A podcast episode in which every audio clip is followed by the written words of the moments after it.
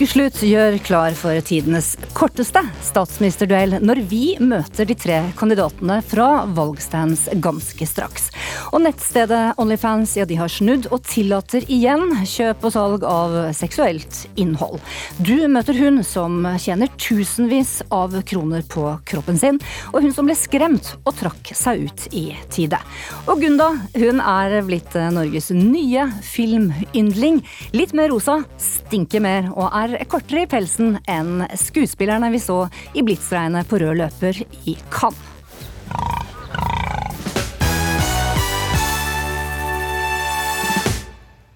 Mitt navn er Synnøve Svabø. Bli, bli med meg og ukeslutt fram til klokka blir 14.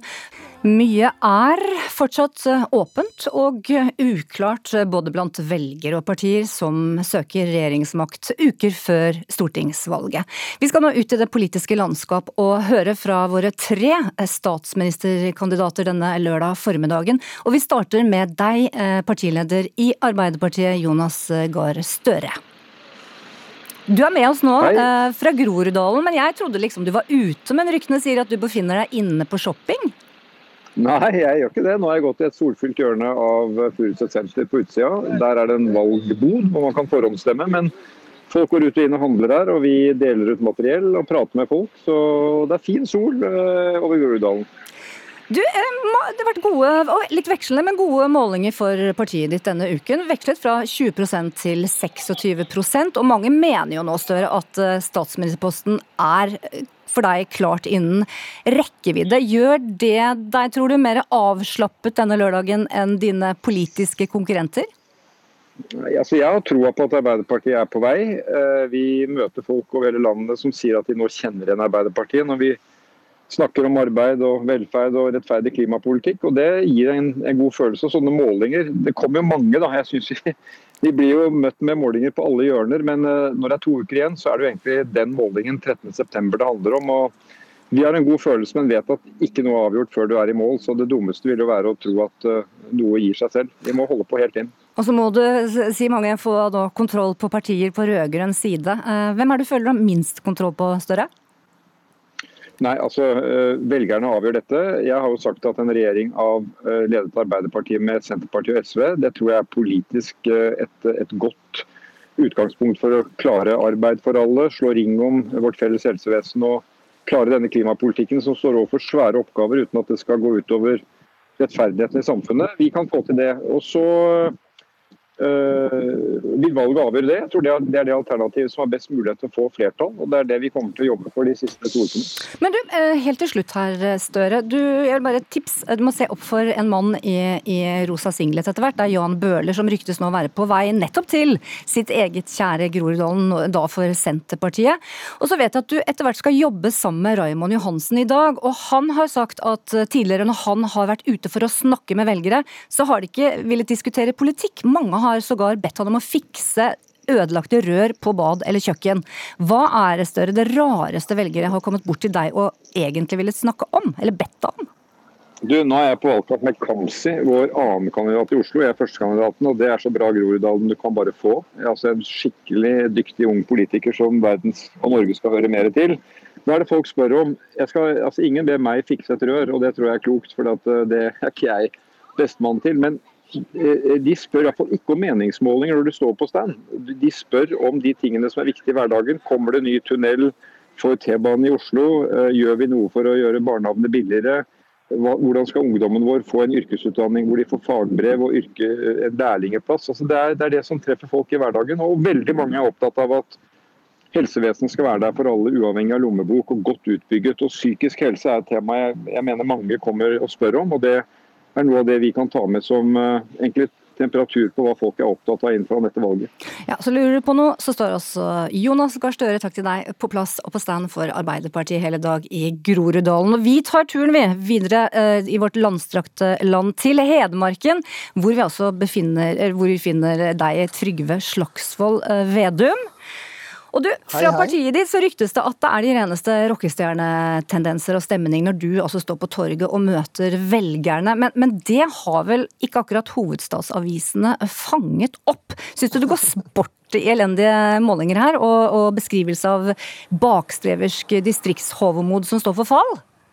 Nei, men Sånn er det, liksom. Hvis du er så heldig å være partileder, så, så, det, så må du tåle å bli litt tatt. Og nå, nå har jeg blitt tatt litt de siste 14 dagene. Og det kan jeg ikke bry deg så mye om. Det er liksom en del av valgkampen. Og så er det en del, del underholdning også i forbindelse med valgkamp. Så, og at media skal lage litt sånne morsomme vinklinger og sånt. Men, men det viktigste du gjør i valgkampen, er å møte folk. da, Og det er det som er så trivelig, sånn som nå. Det, det kommer så mange bortom, tar opp saker. Og ikke minst når vi har vært her i Romdal i dag, så er det flere som har tatt opp det med skolesentralisering og hvordan vi skal klare å sørge for at den bygda her i dag skal ha god utvikling. Og det er jo det du merker hvis du er da nesten uansett hvor det er, at folk tar opp lokale saker de brenner for. Og det er jo det jeg brenner for òg. Og derfor er valgkamp veldig koselig.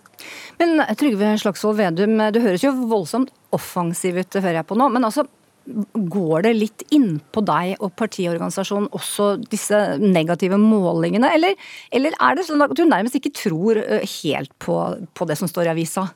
For det høres ut som du er på solsiden nå? jo, jeg tror på det som står i avisa, selvfølgelig. Det. Eller ikke alt, da. Jeg vet at den er ikke helt riktig. Var det du har sagt sjøl? Ja, det, jo, jo, det tror jeg stort sett på. Men det er ikke alltid jeg blir sitert riktig. Men sånn er det jo, da. Og så er det jo, altså, det som er litt viktig å huske på, da, er jo at vi, vi, er, vi er jo det eneste av de fire store partiene som ligger høyere på målingene nå enn vi fikk valgresultatet i 2017. Og så var vi det partiet som gikk mest fram i 2017. Men så selvfølgelig har jeg også veldig jeg større ambisjoner enn der vi ligger nå. For vi har hatt enda høyere oppslutning i vår. Og, det tror jeg har handla om at nettopp denne diskusjonen om hvordan vi skal ha et land med mindre forskjell mellom folk. Og det er både etter hvor du bor, eh, at vi er redd for at det er økende forskjeller, men også etter liksom, lommeboka di. At det er stadig mer at de som måtte ha tjukkest lommebok, er de som skyter fra. Mens eh, mye praktisk eh, vanlige arbeidsfolk opplever at vi stramma inn i sine ordninger, at vi har reagert på mange av de reformene som regjeringa har gjort. Altså, vi mener gjør at forskjellene gradvis øker, og vi tror det er negativt for et land at forskjellene øker. Og det er vel det du skal snakke om i de nærmeste timene og i tre uker til. Vi ønsker deg lykke til nå på veien i innspurten, Trygve Slagsvold Vedum. Og da helt, helt til slutt så tar vi turen til Bergen, og den som skal få siste ord, det er deg, statsminister Erna Solberg.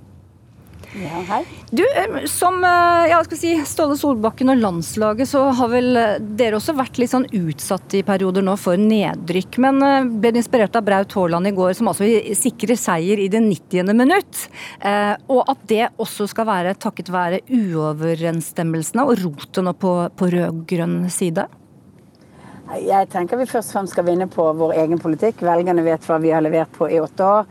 Og eh, det er et land som nå er bedre rustet til å klare klimautfordringene. For det, altså jeg er ikke i Bergen, jeg er i Ålesund. Og eh, jeg var og så på det teknologimiljøet som er her, som jobber med, med hele store satsingen på grønn skipsfart. Og optimismen lyser jo når det gjelder mulighetene våre for å, å, å nå klimamålene våre, muligheten for å få til det store teknologiske skiftet. Men da er vi nødt til både å ha god klimapolitikk, men også en god næringspolitikk. For det er mye bedrifter som skal også investere fremover om å kunne ha overskudd. Du, Målingene har faktisk vist helt opp til 25,9 for Høyre denne uken. Og Det må jo motivere. Og hva motiverer eh, mer også for en politisk ringrev som deg, da, som sittet på Stortinget siden 89 nå, til å møte velgere nok en helg i en valgkamp for en tredje periode som statsminister? Er det fordi du også vet av erfaring at mye uforutsett i norsk valgkamp også kan skje helt på tampen av en valgkamp? Jeg har vært med på valgkamper, ikke minst forrige valgkamp hvor også alle mente at vi ikke kom til å klare det. Og så klarte vi det likevel. Jeg vet at eh, vårt parti er nå ute og jobber for full mugger med å eh, snakke med velgere, og mange er fortsatt mye velgerbevegelse. Og jeg tenker at eh, det gjør oss optimistiske på mulighetene, og så er det hardt arbeid. Og så liker jo jeg å møte folk. Jeg liker, Det er fantastisk vær for øyeblikket på, på Nordvestlandet. Det er bare, du blir jo glad bare av været og utsikten og folkene du møter. Og så har jeg hatt en liten tur på Atlanterhavsparken før i dag og fått sett noen oter og pingviner og seler. Sett det havet vi skal leve av i fremtiden. Eh, så jeg tenker at det er grunn for optimisme. Og eh, eh, så skal vi slåss godt, både vi og de tre andre partiene på borgerlig side. Da gjenstår det å ønske både Vedum, Solberg som vi hørte sist, og Støre en god valgkamp videre. Og vi skal eh, oppsummere ganske straks ved uke 34 i norsk politikk med Tone Sofie Aglen, politisk kommentator i VG og politisk redaktør i DN, Fridtjof Jacobsen. Og som vi nettopp hørte, eh, Distrikts-Norge, ifølge Vedum sjøl i hvert fall, tar imot Vedum som en norsk rockestjerne på turné.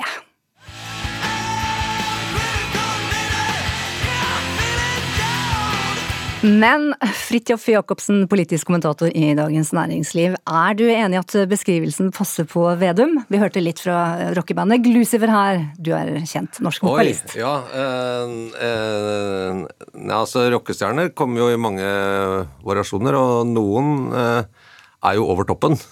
og Vedum kan vel minne litt om en som eh, spilte på Spektrum, og nå er liksom sliter litt med å selge ut Rockefeller, eh, hvis man tåler den Oslo-metaforen. Du, eh, som vi altså hørte tidligere i sendinga, politikerne er jo ute og møter folket, og de ja, de flørter seg også igjennom samtalen. Det hørte vi jo selv. Det er ikke mye nytt de ville komme med heller her i, ukeslutt, men det snører seg til for dem. Det er begynt å bli alvor bare uker før valget, altså, så begynner de vel å kjenne på presset, de òg. Eh, Tone Sofie Aglen, politisk kommentator i VG. Ja, vi hører jo de sier at eh, de er ikke så opptatt av meningsmålingene. De er opptatt av alle de hyggelige tilbakemeldingene de får av velgerne. Men jeg tror nok de, de leser de med argusøyne, for det står veldig mye på spill. Og vi ser at det er veldig mange velgere som ikke har bestemt seg. Og det skifter veldig mellom partiene. Og sjøl om det kan se ut som at det er litt sånn klart hvem som i hvert fall blir statsminister, så er det utrolig mye som er åpent. Ja, men da må jeg spørre deg igjen, eh, Fridtjof eh, fra Dagens Næringsliv, politisk redaktør eh, Jacobsen. Vi tenker at det blir et regjeringsskifte, ja. Det er mange enig i. Men, men, hva slags regjering? Hva slags medlemmer?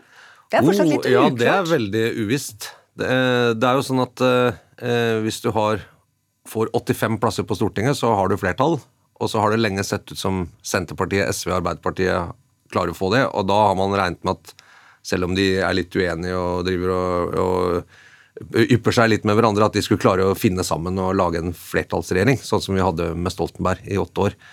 Men på de siste målingene, fordi Senterpartiet plutselig gjør det så dårlig, så har de kanskje ikke det flertallet. Og da, da er det litt vanskelig. De borgerlige de, de ser ikke ut som de klarer å få det flertallet i det hele tatt, men da er det liksom hvem skal sitte i den regjeringen, og så må Rødt med, MDG, hvordan skal man håndtere det? Ja, Det blir en veldig uoversiktlig situasjon. Ja, og det er jo kanskje det som er halmstrået til Erna Solberg, at eh, fordi Støre ikke har et avklart flertall, så kan han bli avhengig av Rødt eller av Miljøpartiet De Grønne. Og hvis du får veldig mye friske utspill fra de partiene der, så kan jo det skremme en del velgere til å tenke at ja, kanskje litt tryggere å stemme på Erna eller noe sånt uh, likevel. For det, det, er, det er jo også en del velgere som er litt sånn bekymra for hva det kan bety, da. Men det er ikke noe tvil om at det er på rød-grønn side at det er uh, den store festen for øyeblikket. Det er der det er mye kål, skrev du i ja, Dagens Næringsliv. Ja, det, det, var et sånt bilde av uh, Trygve Slagsvold Vedum da liksom hadde fått utrolig mange dårlige målinger og så la han et bilde av seg selv på Facebook. sånn eh, folk, folkelig bilde, som jeg kaller det, som eh, de driver med hele tiden. Hvor han satt med, på en veikrom med sånn kålstuing og kjøttkaker og sa 'er så deilig med veikromat'. Og så skulle han skrive 'valgkampglede', men så hadde han feilstava skrevet 'valgkamplede'. Og så måtte jeg google det ordet 'lede', hva det betydde, og det betydde at man var skikkelig lei og, og liksom trist og bare helt fed up med noe man holdt på med. da, En slags sånn indre tomhet. Så tenkte jeg det var litt eh, dekkende for hvordan han følte seg da. Jeg vet ikke om Holbrand fikk spist kålstuingen, da. Men jeg har ikke gått noe bedre etterpå. Men jeg, altså, jeg må spørre dere, dere er jo representanter for to hovedstadsaviser. Eh, dette, tilbake til dette med Senterpartiet. Og politisk redaktør i Vårt Land, Berit Aalborg, hun kritiserer hovedstadspressen og mener at den har fordommer mot norske bønder, mot Senterpartiet og polariserer. Treffer denne kritikken om at man i Oslo må se seg selv litt i speilet? Jeg syns at den er eh, litt urettferdig. Det er helt sikkert noen som eh, gnir seg litt i hendene over at Senterpartiet har fått det fallet nå, men jeg vil si at de siste årene så har vel det aller meste handla om å beskrive og forstå Senterpartiets store framgang, og det er jo virkelig ute i distriktene vi har vært, og det handler veldig mye om, så jeg syns ikke akkurat de i byen har grunn til å føle at de har fått all oppmerksomheten.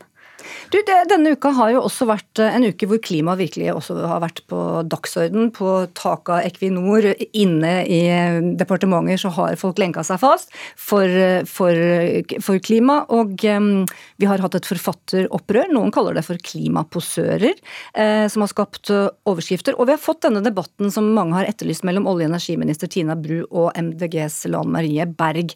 Hvem, hva kan man si om styrkeforholdet, hvem, hvem kom bra ut her? Det virker som altså at lenkegjenger og sånne aksjoner har vi jo hatt mange ganger. Bellona holdt på med det, og Alta og alt sånt gamle dager. Så det, det, er ikke så mye nytt. Det nye nå tror jeg er at for veldig mange, særlig unge velgere, så, så er det noe av det første de ser på, er hvor oppfatter man at partiet står i klimaspørsmål? Er du på riktig eller gal side, for å si det sånn? Og da, og da hvis, du, hvis, de oppfatter at du er på feil side, eller det de ikke mener er på lag med framtida, så blir det liksom bare sjaltet ut veldig fort. Eh, så det har nok en ganske avgjørende effekt når vi ser f.eks. at MDG, Rødt, Venstre eh, og SV gjør det veldig bra i Oslo, f.eks., og spesielt hos unge velgere. Altså det, dette er en veldig viktig sak for unge velgere. En ganske stort sånn generasjonskløft i norsk politikk mellom unge og eldre. og så blir jo den som da skal lage en ny regjering, eller det flertallet, må jo finne en eller annen farbar vei mellom å levere på ønsket om en mer offensiv klimapolitikk, samtidig som man tar vare på velferd og arbeidsplasser og ikke går for fort frem. Jeg tror det, Akkurat den timingen der, den, det tror jeg det blir det mest krevende for den nye regjeringen. Men at det spiller en rolle i dette valget, definitivt. Men da vet man jo, eh, Tone Sofie Aglen, politisk kommentator i VG, at ja, vi snakker om de unge velgerne, men mange eh, unge velgere, de svikter jo. Det har valg vist før, på valgdagen. Ja, og det er noen partier som uh, har tapt før uh, pga. det. Miljøpartiet De Grønne har jo veldig mange førstegangsvelgere og unge som ofte ikke dukker opp. Det har jo også vært Rødt sin uh, skjebne, så vet man jo ikke, da. Nå er det jo så mye enklere å forholdsstemme rundt omkring på hvert eneste gatehjørne, så det er jo ikke sikkert at det inntreffer på samme måte, men det er liksom noen sånn uklarheter der. Og så det har vært veldig mye å si for hvilke partier som klarer å komme over og under sperregrensa. Og da eh, må jeg også stille det spørsmålet til deg, politisk eh, redaktør i Dagens Næringsliv, Fridtjof Jacobsen. Vi var så vidt inne på det litt tidligere. Hva skal da til for at eh, Erna Solberg beholder makten og blir Norges statsminister for en tredje periode? Et mirakel, tror jeg. Det som må skje da, er at for det første må Venstre og KrF komme seg over sperregrensen og gjøre ålreit gode valg. Så må Høyre, som jo ligger an til å gjøre et mye dårligere valg enn de har gjort de to siste gangene, de må liksom gjøre det i hvert fall like bra som for fire år siden, kanskje helst litt bedre. Og Frp må gjøre det eh, omtrent like bra som de gjorde for fire år siden. Og både Høyre og Frp er veldig langt unna det resultatet de hadde for fire år siden. Så alle disse fire tingene må slå til, pluss at det kanskje må gå dårlig for MDG og Rødt, eller i hvert fall ett av dem. Så det, det, blir litt som eh, det blir liksom sånn gamle norske landslagstrenere som har tapt og spilt uavgjort alt, og så sitter vi og håper at resten av gruppa bare skal, at mirakel skal gi oss en plass til et sluttspill. Det går jo sjelden sånn. Det er jo litt sånn som det er nå på Ullevål de kommende dagene, da. For Solskjær Nei, nei ikke for Solskjær, for Ståle Solbakkens gjeng. Ja. De har jo litt trua fortsatt? Alltid trua, ja. helt, til, helt, til, kampen er i gang. Men en dag så løsner det. Men altså, det var ingen som trodde at uh, Erna Solberg skulle vinne i 2017 heller. Ingen målinger tydet på det før helt, helt mot slutten.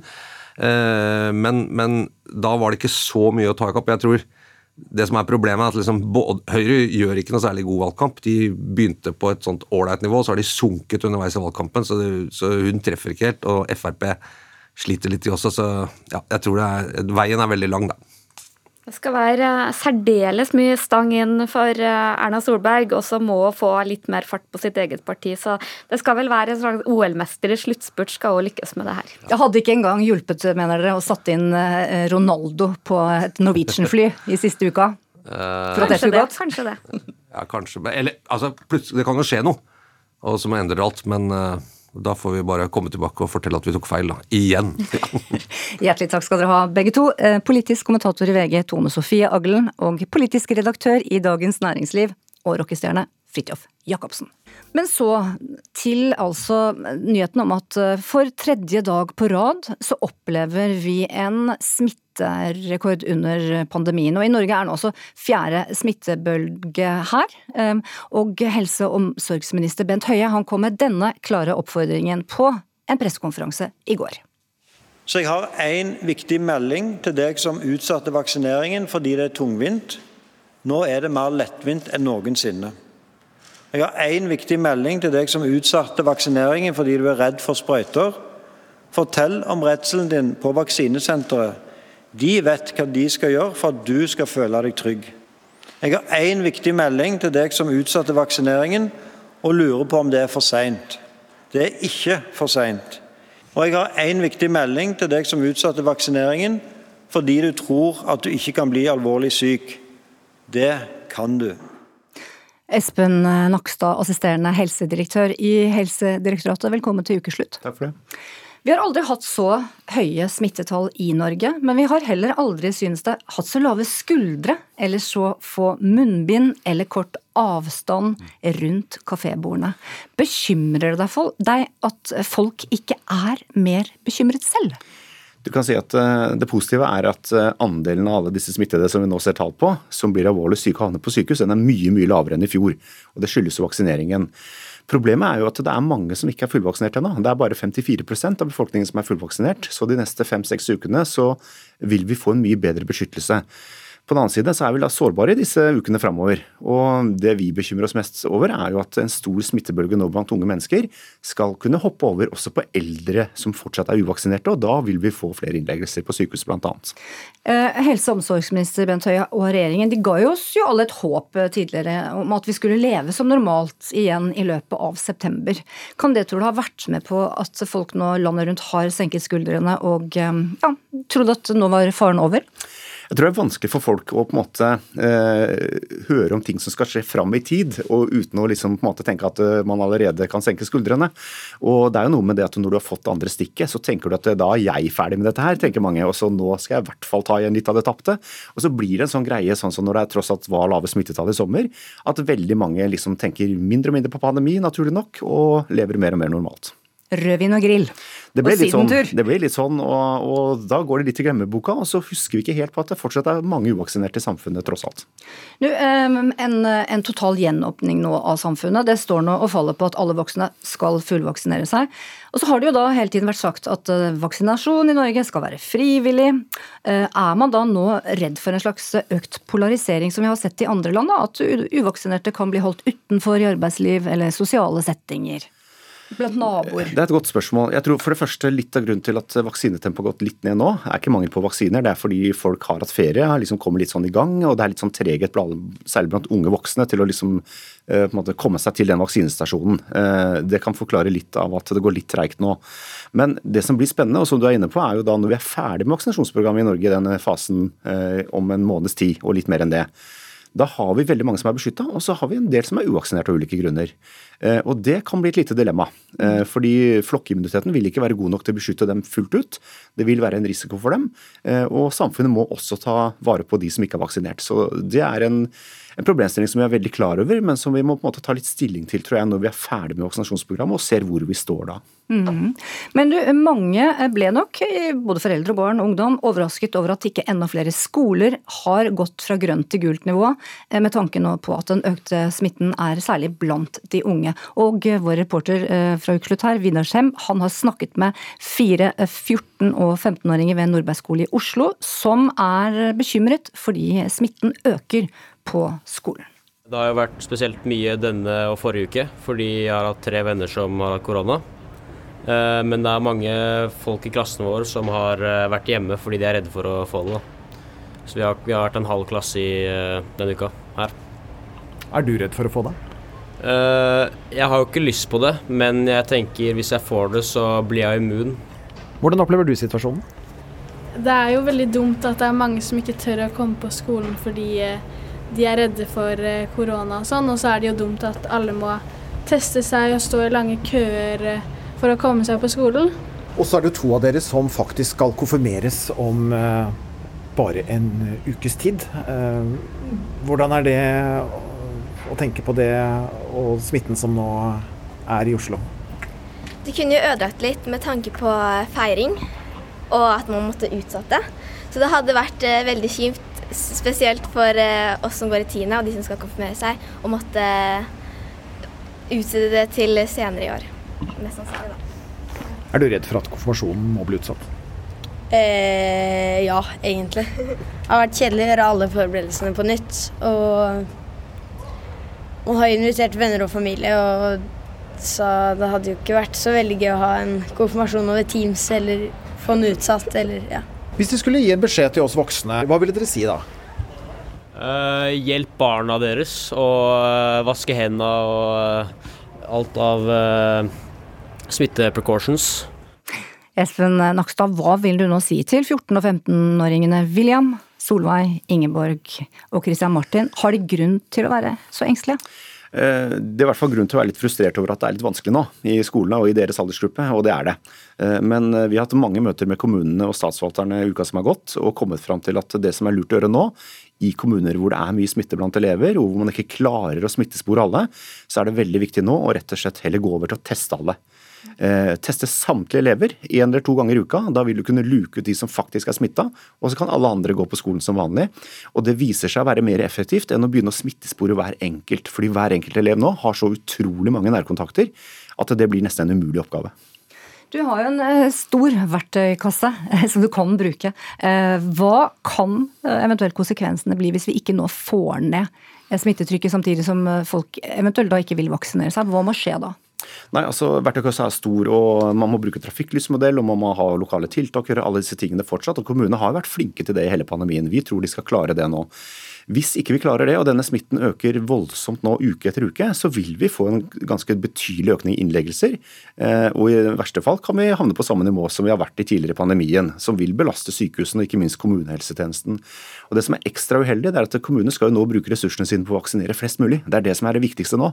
Sånn at eh, vi har mye å tjene. Alle de som slipper sykefravær, alle som vil gå på skolen på normal måte, og ikke minst helsesektoren vår, har mye å tjene på at folk nå lar seg vaksinere, følger råd, og at vi klarer å håndtere denne bølgen på en best mulig måte de neste fem-seks ukene. Tusen takk for at du kom, eh, assisterende helsedirektør i Helsedirektoratet Espen Nakstad. Må bare spørre deg, er du begynt å bli sliten nå? Nei, jeg er ikke så veldig sliten av dette her, men jeg tenker at jeg ser litt fram til at vi skal komme til den milepælen at vi er ferdig med vaksinering i Norge. Det vil hjelpe oss veldig. Så til tre nasjonale ikoners nær 40 år lange musikkarriere, som nå altså skal oppsummeres i dokumentarfilmen A-ha The Movie, verdens første dokumentarfilm om fenomenet a-ha. Det som kalles Norges største band gjennom tidene, med premiere på norske kinoer neste fredag. Magne ringer, og Pål og jeg skal til England. Vi skal ut og bli internasjonale popstjerner. Norge er for lite for oss. Ja the first time a Norwegian group has made it big all over the world. Problemet utkrystalliserer seg ganske raskt. Jeg kan ikke drive sånn og det. Ikke si at det er fint. Til slutt så står man sånn og har bare lyst til å kline hverandre ned, liksom. A-ha har aldri vært basert på vennskap. Vi har et fellesskap i musikken.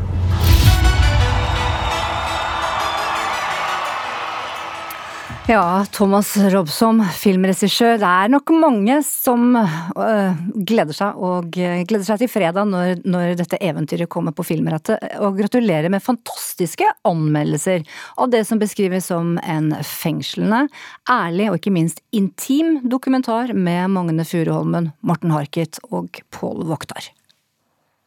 Tusen takk. Du er med oss nå i, i Bergen, for du skal i dag ha en øh, forfremvisning av, av filmen. Men fortell litt om hvordan du har jobba eh, gjennom en fireårsperiode eh, med hver og en av a-has medlemmer til denne filmen. Nei, altså, Dokumentarfilm handler jo veldig mye om å eh, samle inn, eh, på en måte. Eh, skaffe seg materiale, enten det er, eh, eksisterer fra før eller man gjør nye opptak. og gå inn i en hva skal man si, en slags dialog, et samarbeid med de som er med. Eh, og Det er jo det som har pågått eh, over tid. Selv om jeg tror antall opptaksdager til sammen på disse årene er vel neppe mer enn kanskje rundt 20, kanskje litt mer. Jeg er ikke helt sikker. Men, eh, men, et sånt viktig grunnlag for, eh, for, hele filmen, uavhengig av hvor, mye man bruker i ferdig film, det er jo liksom disse masterintervjuene, som jeg kaller det. Et sånn skikkelig grundig intervju med hver av dem. Og du har altså fortalt at du har jo da, gjennom alle disse årene du har intervjuet de, valgt å intervjue de hver for seg. Eh, hvorfor det? Har jeg valgt det? Nei, det var jo jeg tror, jeg tror ikke det er mitt valg. Jeg tror nok å få de sammen i samme rom har vært en hovedambisjon for meg gjennom hele denne prosessen. Men det er lettere sagt enn gjort, da. Mm. Vi får i filmen da private innblikk gjennom en rik tilgang på gamle bilder, videoopptak fra både turné, studio og privatliv. Men sånn summen her, da, hva slags historie er det du har hatt lyst til å fortelle, og hva slags historie har det blitt? Altså, Helt opprinnelig så hadde jeg lyst til å lage en film om uh, a-ha som spiller inn en ny plate. Uh, for det å være med på den prosessen hvor et album blir til, det fascinerer meg. Det har fascinert meg helt siden jeg så Let It Be når jeg var liten, filmen om The Beatles. Og senere ble det fornyet og forsterket når Metallica kom med sin film eh, på begynnelsen av 2000-tallet som 'Kind of Monster'. Så det var ambisjonen. Men så lenge de aldri spilte inn et nytt album i løpet av de årene jeg fulgte det, så ble det jo en litt annerledes film. Da ble det litt mer en film om hvorfor de ikke går i studio og lager ny musikk. Og Samtidig så er det jo fortellingen om hele eventyret. Eh, oppturene og nedturene, og et forsøk selvfølgelig på å komme litt sånn dypere inn i en forståelse av hvorfor det er så vanskelig. Ikke, ikke bare vanskelig for, for, for, dem, men for nesten alle band eller andre som er på en måte mer eller mindre tvunget da, til å jobbe sammen om et uh, resultat. Uh, ja. Ja, for det går jo på kunstnerisk eh, integritet, det går på sterke personligheter kanskje som trekker i hver sin, sin rett retning, da.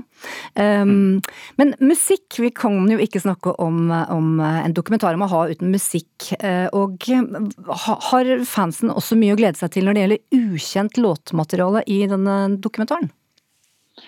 Ja, altså Blodfansen eh, har jo klart å spore opp det aller meste fra før. Men jeg tror på en måte alle de som har et forhold til å ha uten å liksom være dypt dypt inni det, så tror jeg man får en enten påminnelse eller en slags vekkelse på hvor mye bra musikk det bandet har. Og det er jo vært eh, en hovedambisjon for meg. Jeg mener jo at å ha et av verdens mest undervurderte band. Jeg mener de har levert eh, enormt bra popmusikk gjennom årtier, og blir dessverre internasjonalt spesielt husket nesten bare for Take On Me. og Det, det er blodig urettferdig mot et så bra band. Det er masse andre band i verden fra samme epoke som, som hylles uh, på en måte som uh, a-ha hadde fortjent. Uh, så, så, det er klart at hvor, hvor, fantastiske de er som musikere, og det at de har levert tidløs musikk, det er jo utrolig viktig for meg å formidle. Og dette eventyret, ja det har de altså fått til, disse tre, sammen. Tusen takk så langt, eh, filmregissør Thomas Robson, for at du ble med i Ukeslutt. Og så skal vi da videre til en annen norsk musikalsk internasjonal stjerne, sågar Sondre Lerche. Eh, for i ditt essay, eller en samling essays, Alle sanger handler om deg, så tar du oss med tilbake til barndommen i Bergen og da unge Lerkes nesten selvutslettende forhold til a-ha. Kan ikke du fortelle hva det var som du fant i a-ha? Ja, gud, det, det, er vel det jeg prøver å skrive om. Eh, for, for, det, for, meg så var det umulig å skrive om mitt forhold til musikk og min oppvekst og sånn uten at det handla i veldig stor grad om a-ha. Så jeg har jo funnet alt, egentlig. Jeg fant jo musikk som var berusende første gang jeg hørte 'Take On Me'. Og så fant jeg et alvor også der, uh, som de hele tiden ganske raskt begynte å strekke seg etter. Veldig sånn søken etter å, å, å finne en sånn kunstnerisk modenhet da, forbi bare 'Take On Me'. Uh, jeg, jeg, tror nok egentlig at jeg hadde lyst å, å være både Morten, Pål og Magne i etter, når jeg selv begynte å spille gitar. Ja, fortell litt om det, fordi du beskriver du at eh, Morten Harket han, eh, han var, og er kanskje, et, eh, et, stort forbilde for deg. Hvorfor det? Ja, han er jo den du ser, og han er jo en fabelaktig sanger. Han er jo en, en nydelig mann. og og, og redder jo på en måte det bandet rent sånn utad, ikke sant. For du har to ganske sjenerte gutter rundt han, og den ene, eh, Pål, på en måte har lyst til å bare forsvinne eh, i enhver setting. Og, så, og Magne han har mer prøver å ta ansvar. ikke sant? Så det, Han har jo egentlig båret en ganske tung byrde der. Men, men, så har du da Morten som, som, eh, som i begynnelsen, når jeg var fire, fem og seks år, så var det han som var på en måte litt sånn tegneserieaktig. Det var han som var superhelten. ikke sant? Men med en gang jeg ble obs på at, at uh, sangene i større grad ble skrevet kanskje av Pål og, og, og, delvis Magne også, så, så, så, gjorde det et eller annet også med hvordan jeg så samspillet de imellom.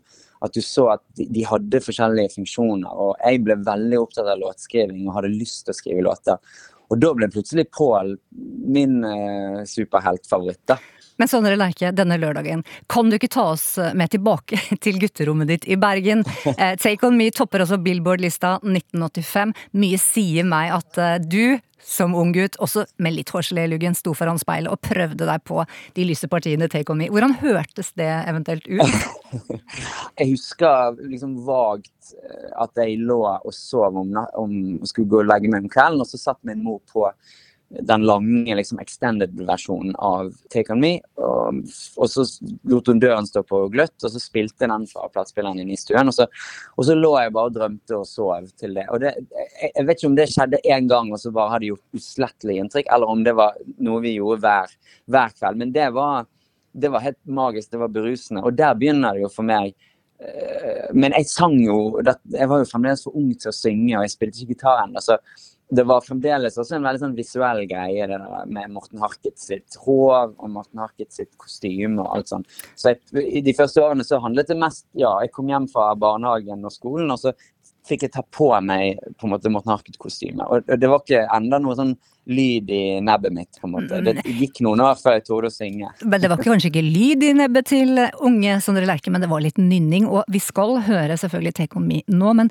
nynn oss inn i det, så vi alle kan eh, gå tilbake til barndomsdrømmene våre, hvor enn vi er. Ja, ikke sant. Altså, denne låten er jo det store liksom unntaket i ha-kategorien. For her har alle vært med å, å skrive den, og alle er kreditert. og alle, alle, har bidratt på en måte med melodiske og, og, og tekstlige elementer. da. Og Det er jo kanskje en lykke som har gjort at de har holdt sammen. på en måte. Så her begynner vi med det vanvittige riffet da, til Magne, keyboard-riffet, som visstnok er skrevet da han var 15. og Men, men og, så, kommer Morten på 'Talking Away'. Og så har du liksom hele gående. Det er jo umulig å motstå den uh, låten. Og det er vel kanskje bare en sånn type låt som kun kan lages med en sånn viss naivisme. og altså, den, den er ikke laget av uh, si, gamle, vonbrotne gutter. Den er jo laget av unge, opportunistiske gutter som er villige til å gjøre nesten hva som helst for å få det til. Men nå over til noe helt annet. Mange husker nok bildet av den, av den, norske soldaten med et lite barn på armen i eh, Kabul. Og forrige lørdag, ja da fortalte leder i Afghanistan-komiteen Terje Watterdal dette, da han ankom ukeslutt direkte fra Gardermoen etter å ha evakuert i et fly fra Afghanistan. Han hadde en liten baby i armene, og jeg hadde en liten guttunge som var eh, litt over et år.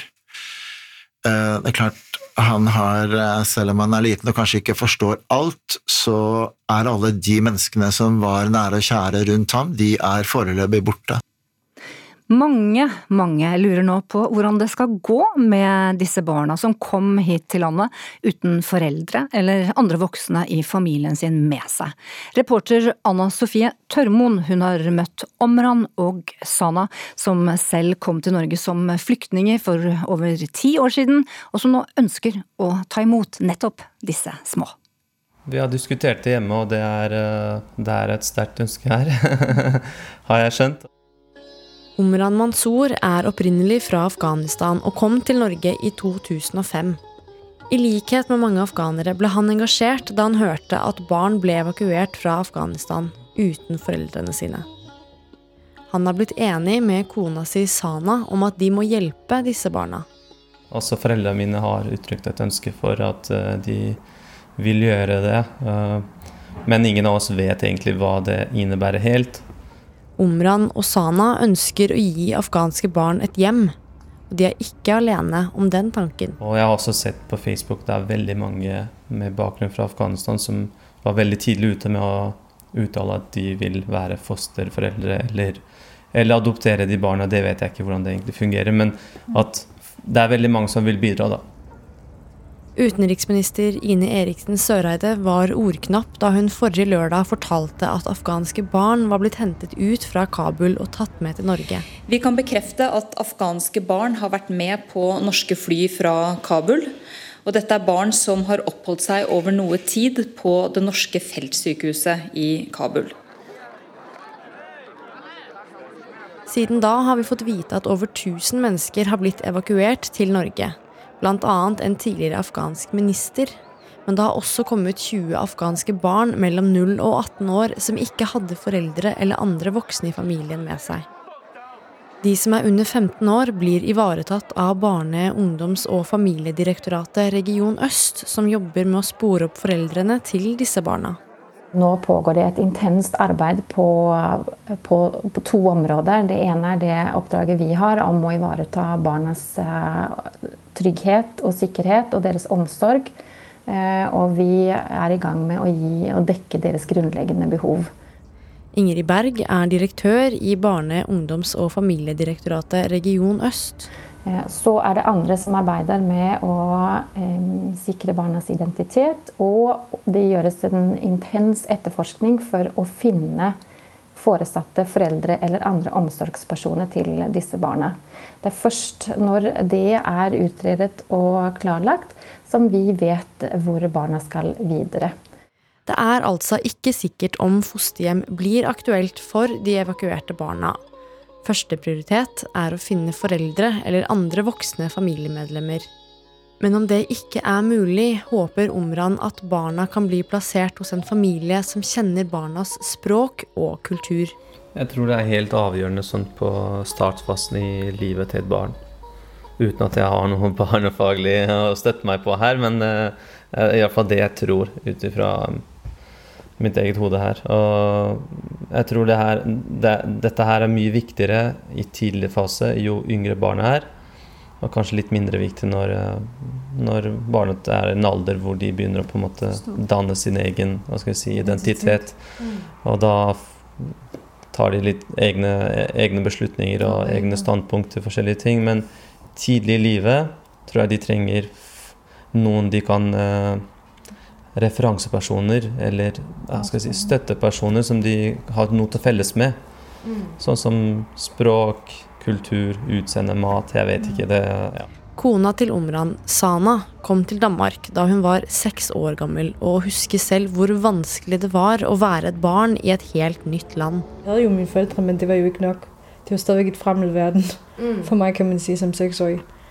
Men som jeg bruker å si, at denne første perioden er jo litt den der kakao med krem-perioden. Tuva Wold og mannen hennes er beredskapshjem for barn i krise. Altså at vi på en måte gjør litt sånn ekstra hygge for å ja, Kanskje også for å få dem litt ut av rommet. Vi lager kakao med krem, vi sitter rundt bordet, vi prøver å få til samtalen. Det ofte kan gjøres rundt at man kanskje har noe å spise eller noe å gjøre. da. Det har de vært i fem år, og har mye erfaring med det å ta vare på barn den første perioden etter at barna har blitt tatt ut fra hjemmet sitt. Så jeg tror rett og slett den der tryggheten og vissheten de er nødt til å føle på at her er det greit å være. Her er jeg trygg.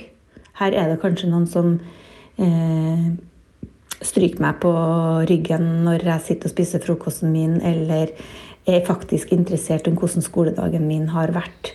Selv om man snakker forskjellig språk, tror Tuva likevel at et vennlig kroppsspråk gjør mye. Jeg tror nå at et vennlig smil og et stryk på kinnet og eh, mye av det der er det er jo på en måte internasjonalt. Det er mye vi kan kommunisere, men for unge, mye av de ungene her som er litt større, har jo sikkert et kjempebehov for å meddele hva de faktisk har opplevd, for å bearbeide det.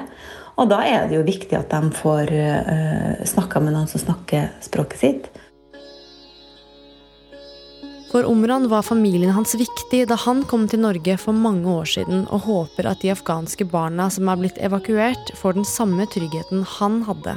Det, det jeg har tenkt mest på fra starten, er at jeg har hatt et håp om at foreldra deres uh, kan spores opp og hentes til Norge. Så jeg håper jo at uh, norske myndighetene gjør alt i sin makt for å gjøre det først. Mm.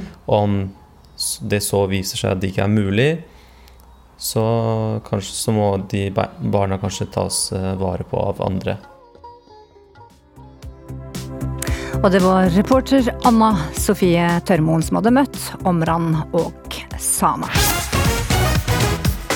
Onlyfans det er en sosial plattform opprinnelig fra London, hvor brukere kan dele bilder og videoer av seg selv, mot at folk da tegner et privat abonnement mot penger.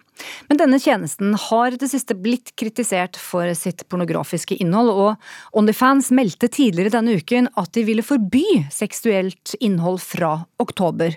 Men nå har de snudd, noe som har skapt kraftige reaksjoner. Men en som legger ut bilder og videoer på Onlyfans, det er deg. Velkommen i studio, Helena Ekra. Helene. Helene, enig, ja, ikke sant? Du er jo et konsept, du er jo kunst her du sitter. Fortell litt. For du mener at eh, de som betaler for å se deg, de betaler også for en slags kunstopplevelse? Absolutt. Vel, eh, jeg er en visuell kunstner, og eh, jeg er en digital visuell kunstner, siden det er der det er lettest å nå frem til hele verdens basis. Jeg har følgere fra faktisk Antarktis også. Så det er alle slags verdensdeler, og det er utrolig morsomt å kunne spre positivitet via kunst. Og, na og, nakenhet. Yes, of course. altså, kroppen min er 80 delt uh, tatovert, og det er en del for meg for å basically bruke meg selv som et lerret, siden jeg er ikke så sykt glad i å uh, skrive og sånne ting, eller male, så jeg gjør det på meg selv. Så var det jo flaks for deg at du i utgangspunktet ble født ganske vakker, da. Eh, tusen takk. For, for skjønnhet, utseende, det er jo blitt en vare, en kapital, da, som, som du mm. på et sånt sted som dette her kan tjene penger på. Mm. Og hvis jeg skulle beskrevet deg nå for en lytter, så ser du litt cartoon-ish, altså litt sånn mm. litt tegneserieinspirert, med blått hår, lyserosa strikker i hårene der, kort, liten ja, litt, lite sett av en drakt, og tat tatoveringer. Mm. Jeg er veldig basert på anime og japansk stil generelt, som Anima cosplay, da, som jeg er veldig veldig glad i, som jeg bruker mitt content på. Jeg må bare sette det for de som ikke helt allikevel ennå nå er mm. med på hva dette er, Onlyfans. Eh, så kan vi si det sånn litt folkelig, da, at mens nordmenn tidligere dro i skjul bak hatt og frakk til eh, Hønan, Agda på Svinesund, som var en butikk som solgte litt forskjellig, så kan de nærmest nå få et digitalt pornoblad rett i stua på mobilen. Du kan selv bestemme modeller, forsidepiker. Um, så kan du sette litt for oss hvem det er i Norge som abonnerer? Hvem er de som abonnerer på den type tjeneste?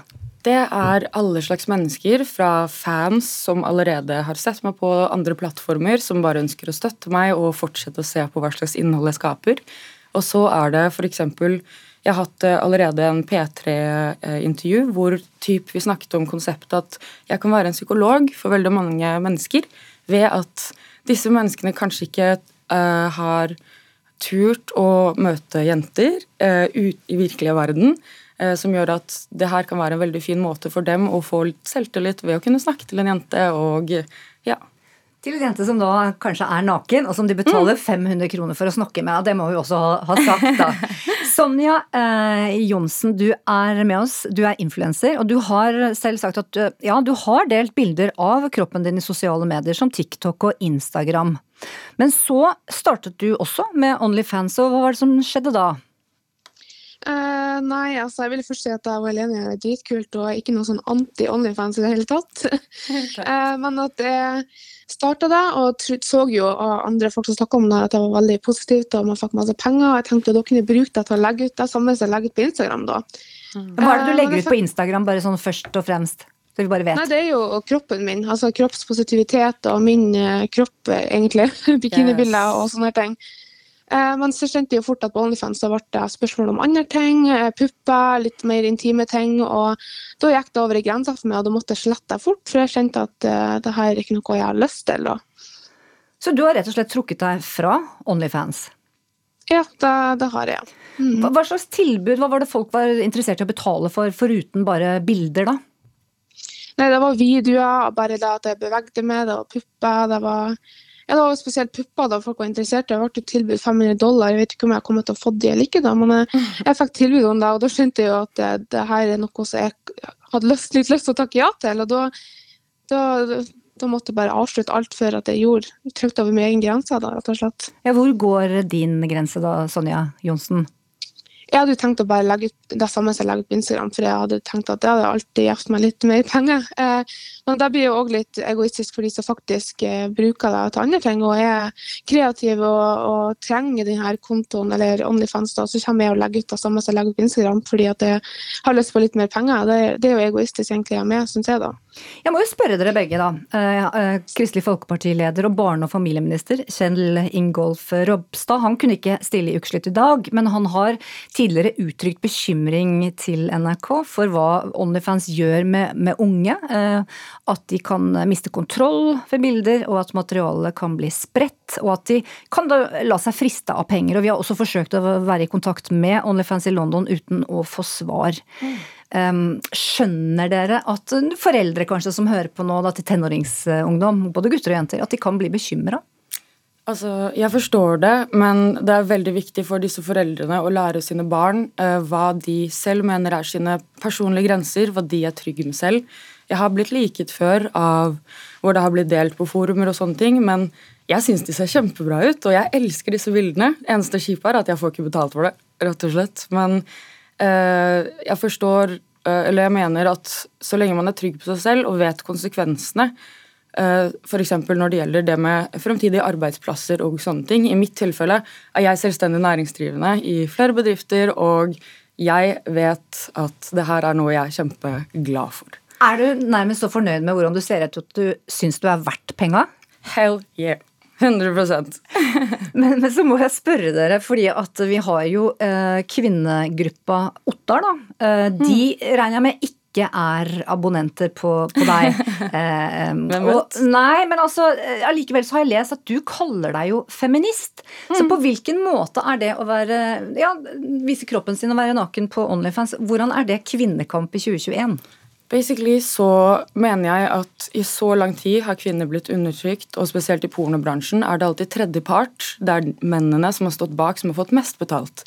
Mens nå er Onlyfans en plattform hvor kvinnene selv styrer 100% hva de har vært, og hvor mye de ønsker å vise, rett og slett. Og det syns jeg er veldig, veldig positivt for feminismen. Ja, er du helt til slutt da, enig, Sonja Johnsen? Du er også influenser og, og viser jo da bilder, bikinibilder eh, på TikTok og Instagram. Er du også enig i at dette er for deg eh, kvinnekamp? Er du feminist? Ja, altså da vil jeg si Jeg har jo fått hørt at, uh, av en lærer faktisk at jeg ikke kommer til å få meg jobb så lett pga. bildene jeg legger ut på Instagram, og det er jo helt idiotisk, for det er jo bare min kropp. Men jeg syns òg vi burde huske på at det kan hende at jeg kanskje ikke får meg jobb pga. det. Og kanskje spesielt hvis jeg hadde Onlyfans og folk har hørt om det. Og da er det jo lurt å huske på det, de negative sidene med det, og at kanskje promotering av det ikke er så lurt. At det burde kanskje bli kanskje høyere aldersgrense på det her, at man burde snakke mer òg, som så Helene sa, snakke med ungene sine om grenser og sånne ting. Man òg viser den negative siden med Onlyfans, da, at det ikke bare er, er positivt. da. Blir du ikke litt stressa når læreren din følger deg på Instagram? Jeg må bare spørre. jo, altså, jeg vet ikke om hun følger med, men jeg hørte at hun hadde sagt det til andre elever da i klassen mens jeg ikke var der, så det var jo litt sånn ekkelt. Takk skal du ha, Sonja eh, Johnsen, influenser som var med oss på linje fra nord. Og så skal du få siste ordet her, Helene Ekra. Altså, Det jeg mener som er veldig viktig for fremtiden, egentlig, er at vi er alle født nakne. Vi eh, burde ikke skamme oss over vår egen kropp, som vi lever i. Og heller problemet med at man kanskje ikke skal få en jobb fordi du har vært naken, er noe som burde endres tankemessig. Fordi hvorfor? Vi er alle født nakne. Og det skal ikke være et problem rundt det, så lenge man tar bevisste valg som voksne, selvstendig næringsdrivende kvinner som skatter på dette. Og ha litt ekstra på bok til slutt. Ja. Skal stikkordet bli komikk og politikk? Nå skal jeg til eh, Stavanger for å bli indoktrinert i en sånn slags kommunistcamp, tror jeg. Nå skal jeg bli kommunist, eh, og da drar man jo til oljebyen, selvfølgelig. Men du er klar for å lære deg rødt eh, politikk? Jeg føler at vi skal bli indoktrinert i noen kommunistiske greier her nå. Det stemmer, det. Ja. ja, for hvordan skal det gå når Rødt-politiker Mimir Kristjansson skal lære opp komiker Halvor Johansson til å bli politiker og forsvare Rødts ære i debatt her på NRK? Jo, i P3-serien Latterlig politikk skal altså eh, ni komikere få utdelt hvert sitt sin politiske mentor fra hvert sitt parti. Og nå nærmer debatten seg, og reporter Linn Beate Gabrielsen, hun sjekket ut politikerformen til Halvor Johansson. Ja, er du klar, da? Nei. Nei? Egentlig ikke. Som en slags papegøye så kan jeg jo gjenta ting du har sagt til meg. Ja, ja, ja. Men jeg, jeg kan ikke svare på spørsmål. Det var Altså- det jeg var redd for da vi delte ut i flyeren òg. Men papegøye er nivået til de fleste politikere Ja, på ok. Stortinget. Så det, og hvis Ni politikere fikk i oppdrag å lære opp ni komikere i partiprogram, i holde appeller og i å banke på dører. Nei, jeg, jeg lurer jo på om NRK måtte leite litt med lys og lykte til noen komikere som eh, var tilbøyelig til å være så langt fra Rødt at det ble rart å pare opp. Så da måtte de, da måtte de finne meg til slutt. Halvor Johansson er standup-komiker og også kjent som en hissigpropp på Radio Rock i spalta Ta deg sammen. Men hallo! Soya, protein, matens svar på Litauen. Veganere, ta dere sammen! Rødts Mimir Kristiansson fikk oppgaven med å polere den litt oppfarne komikeren. Jeg føler vel at eh, han har blitt hjernevaska godt og grundig inn i Rødts eh, politikk. Så jeg tror han skal klare dette ganske fint. Men eh, jeg vet jo at Halvor er en han har i hvert fall har jo litt sånn hissige rant når han er på radio. Og i Rødt så er vi jo veldig opptatt av at alle tror vi er så sure. Så vi er opptatt av å prøve å være i så godt humør som mulig. Ja, Hvordan funker det? Klar, klarer han å kontrollere seg? Ja, sånn noenlunde. Men jeg er spent på hvordan det ser jeg når det går i debatten og det virkelig eh, tar seg til. Om han klarer å, å, å gjøre det med et smil, da. Det kan fort hende rullegardina går der. Jeg veit jo ikke, hvis jeg blir eh, provosert langt nok. Målet med serien Latterlig politikk er å gjøre det lettere for unge velgere å skjønne forskjellen på partiene. De rikeste blir rikere, og de fattige blir fattigere, og det går utover barna. Har jeg skjønt. Jeg visste ikke, Mimir fortalte meg om dette her.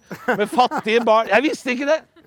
At barn i Norge blir fattigere og fattigere. Men vi spurte, vi møtte noen barn i dag. Og spurte de. De hadde null kroner! Ikke ei krone hadde de! Så jeg har lært én ting i dag, og det er at åtte år det er åtte år for mye. Og nå må vi fjerne Erna!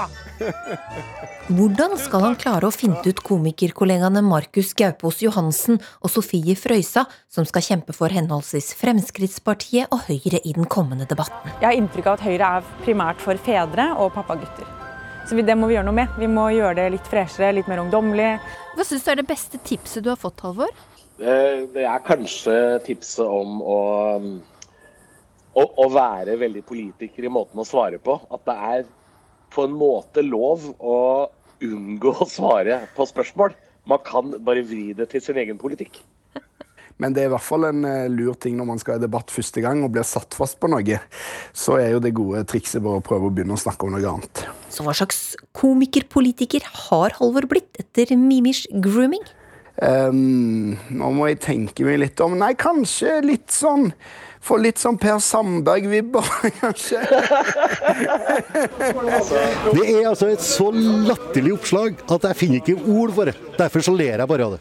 Jeg har jo en drøm om å åpne bar i Halden, så det er jo ikke, Ja, det... er ikke så langt unna. Nei, det kan du se. det kan du se. Men har Halvor noen innspill til Mimir og Rødt på hvordan de kan bli bedre? Og så nevnte Mimir for meg en uh, sak jeg ikke var klar over at Rødt hadde i programmet sitt, men det er at det skal bli uh, ulovlig å eie privatfly. Og så tenkte jeg det er jo det alle drømmer om. Alle vil jo bli så rik at de kan eie privatfly. Så tenker jeg, det kan godt ha det programmet, men ikke si det høyt. For alle, alle drømmer om sitt eget fly. Ja. Nei, jeg tviler på om du får gjennomslag på det, Halvor. det er deg og Stein Erik Hagen det, som kjemper for rett til Ja, privatfly. Hva svarer du hvis i debatten blir spurt om du er kommunist? Nei, da skal jeg svare nei, fordi eh, det er eh, Det er ikke det Rødt holder på med lenger, men det er å bli kvitt uh, klasseskillet i samfunnet. Så er det store spørsmålet, da. Er du litt nærmere å stemme, Rødt eh, nå?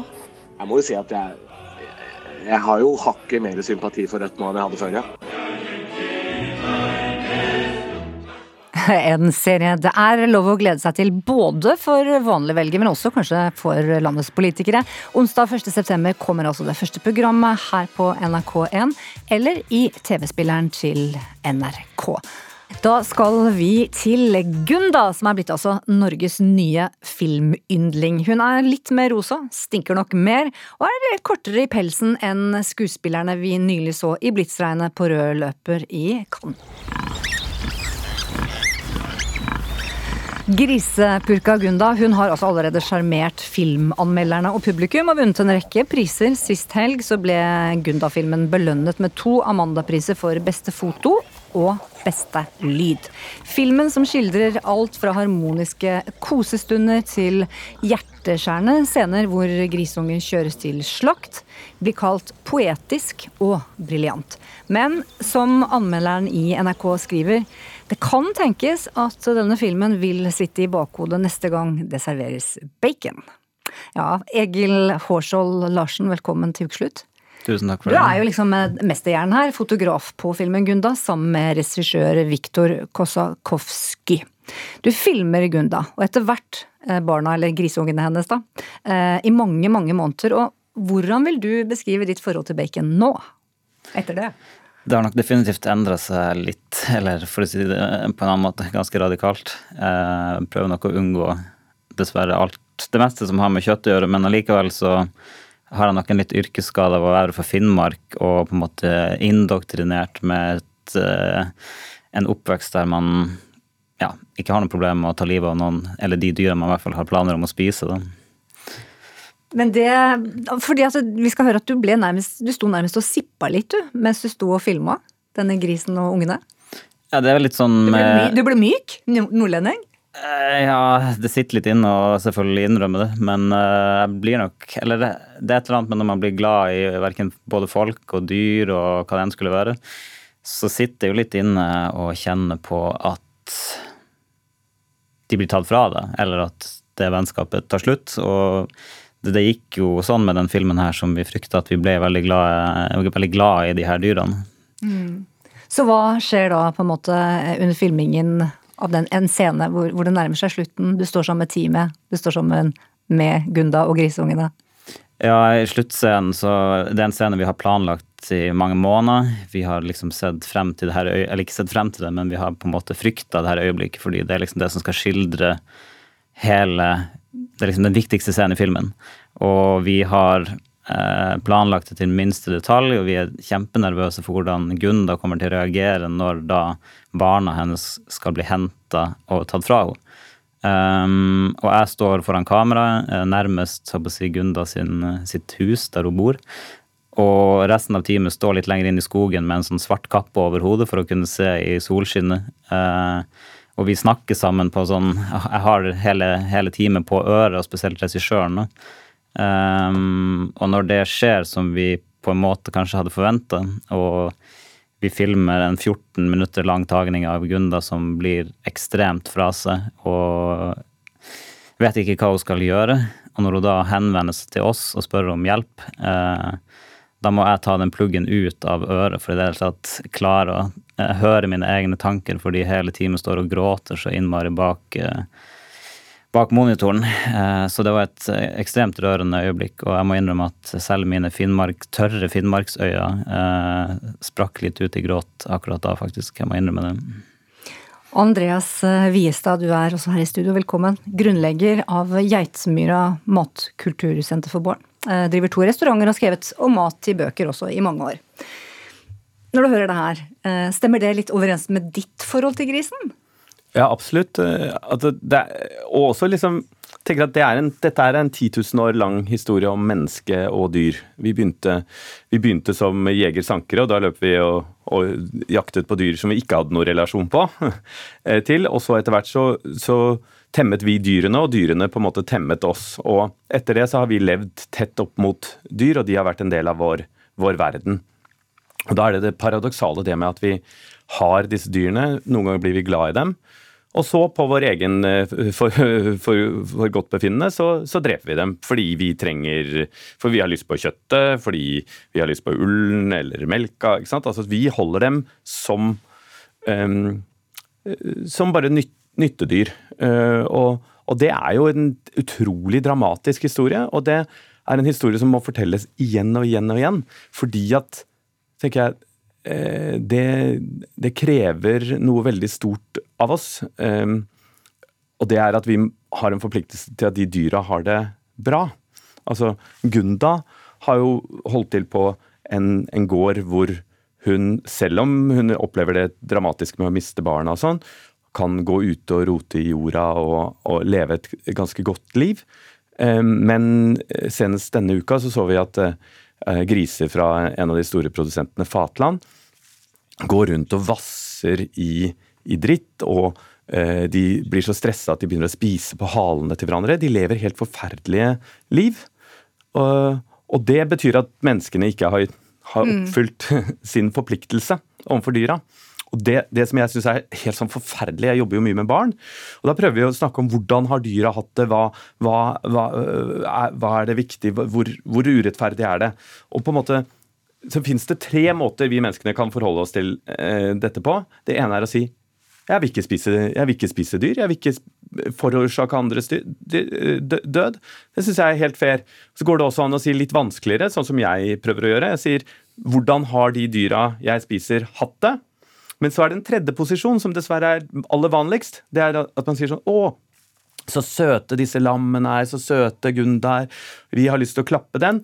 Og så går man i butikken og kjøper de verste industrisvinene fra disse grisene på Fatland som har fått eh, eh, men, men, jeg mener jo at hvis vi skal spise kjøtt, så må vi spise kjøtt fra dyr som har hatt det bra. Og en du er på fornavn med. Vi, vi skal eh, tilbake til deg, eh, fotograf på filmen 'Gunda', Egil Hårskjold Larsen. Altså, etter at filmen nå ble shortlista til en Oscar eh, ikke sant? Det er jo helt utrolig. Så var du tilbake på Grøstad gård og hilste på Gunda. Og noe sånn litt ettertid, og du har fått det litt på avstand. Hvordan, hvordan var det møtet? Det er faktisk Det er sånn som gamle, klassiske gamle vennskap, at du syns faktisk det er litt hyggelig å se dem igjen. Og man skulle Jeg hadde ikke forventa at jeg skulle tru, eller ha det, den type forhold selv liksom tre, tre år seinere.